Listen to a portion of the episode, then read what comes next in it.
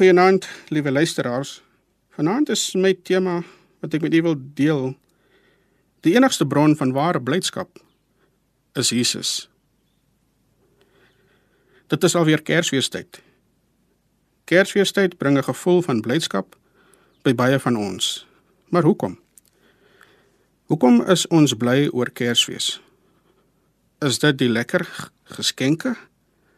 Of is dit die vooruitsig van lekker partytjies en kuiers saam met familie en vriende? Want vir sommige mense hou Kersfees net hartseer in. En daar is geen blydskap vir baie nie. Sommige kan glad nie eers Kersfees hou nie. Terwyl ander die lekkerste tyd van die jaar beleef.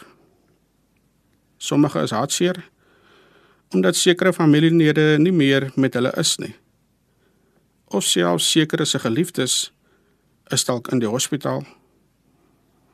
Sommige se geliefdes is dalk in die gevangenis terwyl ander 'n baie lekker familietyd het.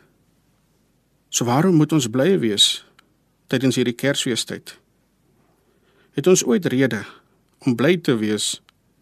Daarop wil ek antwoord: O ja, beslis.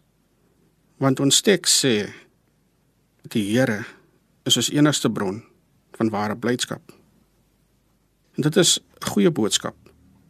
Naamlik 'n verlosser is vir almal van ons gebore.